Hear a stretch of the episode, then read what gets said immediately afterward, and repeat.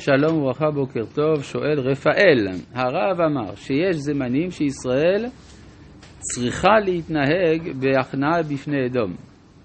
ויש זמנים שצריך להתנהג בגאון. טוב, נתקן קודם כל, צריכים להתנהג. טוב, השאלה היא כיצד לדעת מתי כל דפוס הוא המתאים, או שזה פשוט נמסר לשיקול דעת של מנהיגי ישראל.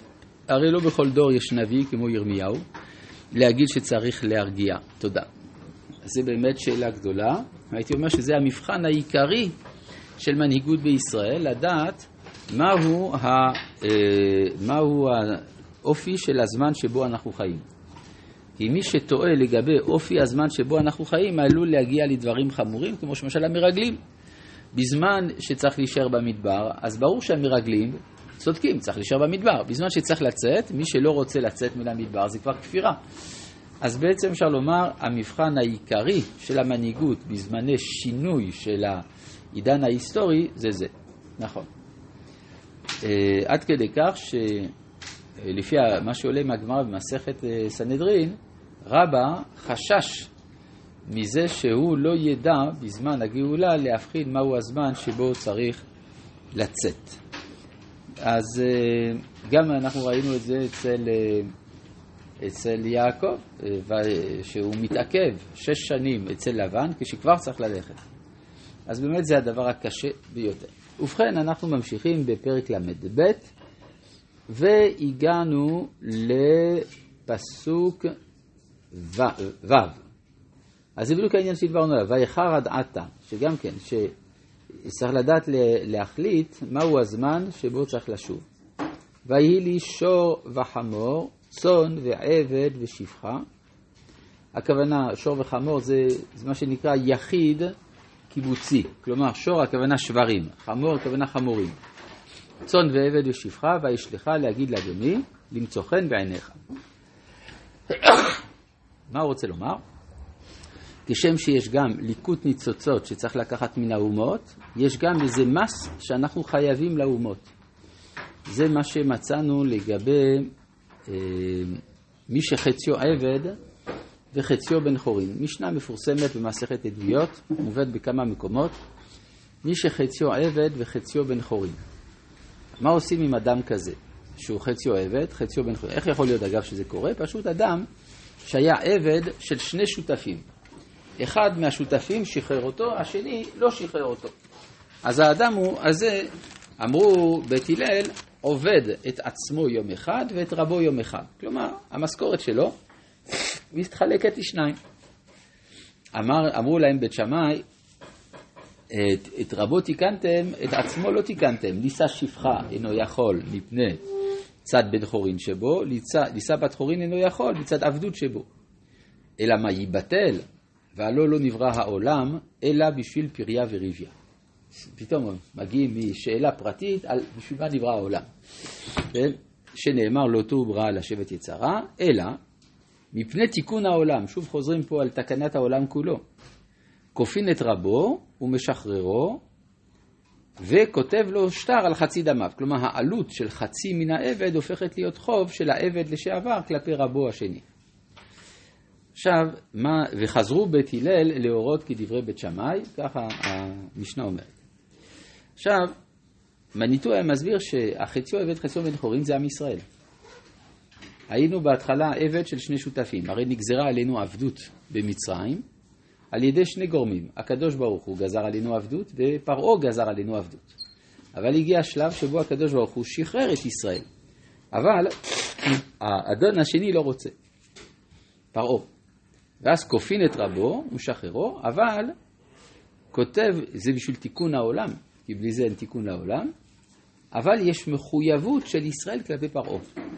כלומר, וכותב לו שטר על חצי דמיו, הכוונה שאנחנו חייבים איזושהי מחויבות כלפי האומות, שיצאנו מתוכם, מה? מחויבות מוסרית. מוסרית, וכן, אנחנו צריכים לתת להם משהו. הנתינה זה גם ההכרה בתרומה שלהם, גם זה. כן, יש לנו למשל ביד ושם, יש סדרה של חסידי אומות העולם. יש הכרה כזאת. אז וזה מה שעושה גם אה, יעקב. הוא, אומנם, הוא אומר, אמנם אני הייתי אצל לבן כדי ללקט ניצוצות, אבל גם לך מגיע משהו מזה. ויהי לי שור צוד ועבד ושפחה, וישלחה להגיד לאדוני למצוא חן בעיניך. וישובו המלאכים, אז זה מעניין שבכלל זה לא בדרך של יעקב, הוא יכול היה אגב לעקוף לגמרי את המפגש עם עשיו, אבל הוא החליט שאי אפשר לחזור אל הזירה הבינלאומית בלי הרשות של אדום. וזאת למה? משום שבזמן הגלות מי שמנהל את העולם זה אדום. אנחנו בעצם פטרנו את עצמנו מן הטיפול בענייני העולם כי סמכנו על הרומאים. אבל בסוף אנחנו חוזרים לכאן, אז צריך לבקש רשות. ולכן יש ועידת סן רמו, הצהרת בלפור, הצהרת כורש, כל פעם לבקש מן המעצמה השלטת רשות לחזור אל משפחת העמים. אז פה גם כן למצוא חן בעיניך. וישובו המלאכים אל יעקב לאמור, בנו אל אחיך אל עשיו, וגם הולך לקראתך, וארבע מאות איש עמו. וארבע מאות זה מספר אה, משמעותי, זה האות תו באלפביתה. אלפביתה, כל אות יש לה ערך מספרי, התו היא האות עם הערך המספרי הגבוה ביותר, 400, וזה, אה, אבל זה גם הסוף של האלפביתה. כלומר, מי שנמצא בקצה, בקצה של כל הקצוות, זה מי שהוא בתו. זה הנגיעה בקליפות. וירא יעקב מאוד, ויצר לו. אז אה, מה יותר חמור, וירא או ויצר? וירא אדם מתיירא מסכנה חיצונית. ויצר זה צרה פנימית. יש לו תוגה, יש לו מצוקה פנימית. ונשאלת השאלה ממה הוא התיירא וממה אה, היה לו צער. וירא, אומר רש"י, שמא ייהרג. זה מובן. אז אה, אדם מפחד, הוא בא למלחמה, חושש שמא הוא ייהרג. מאוד.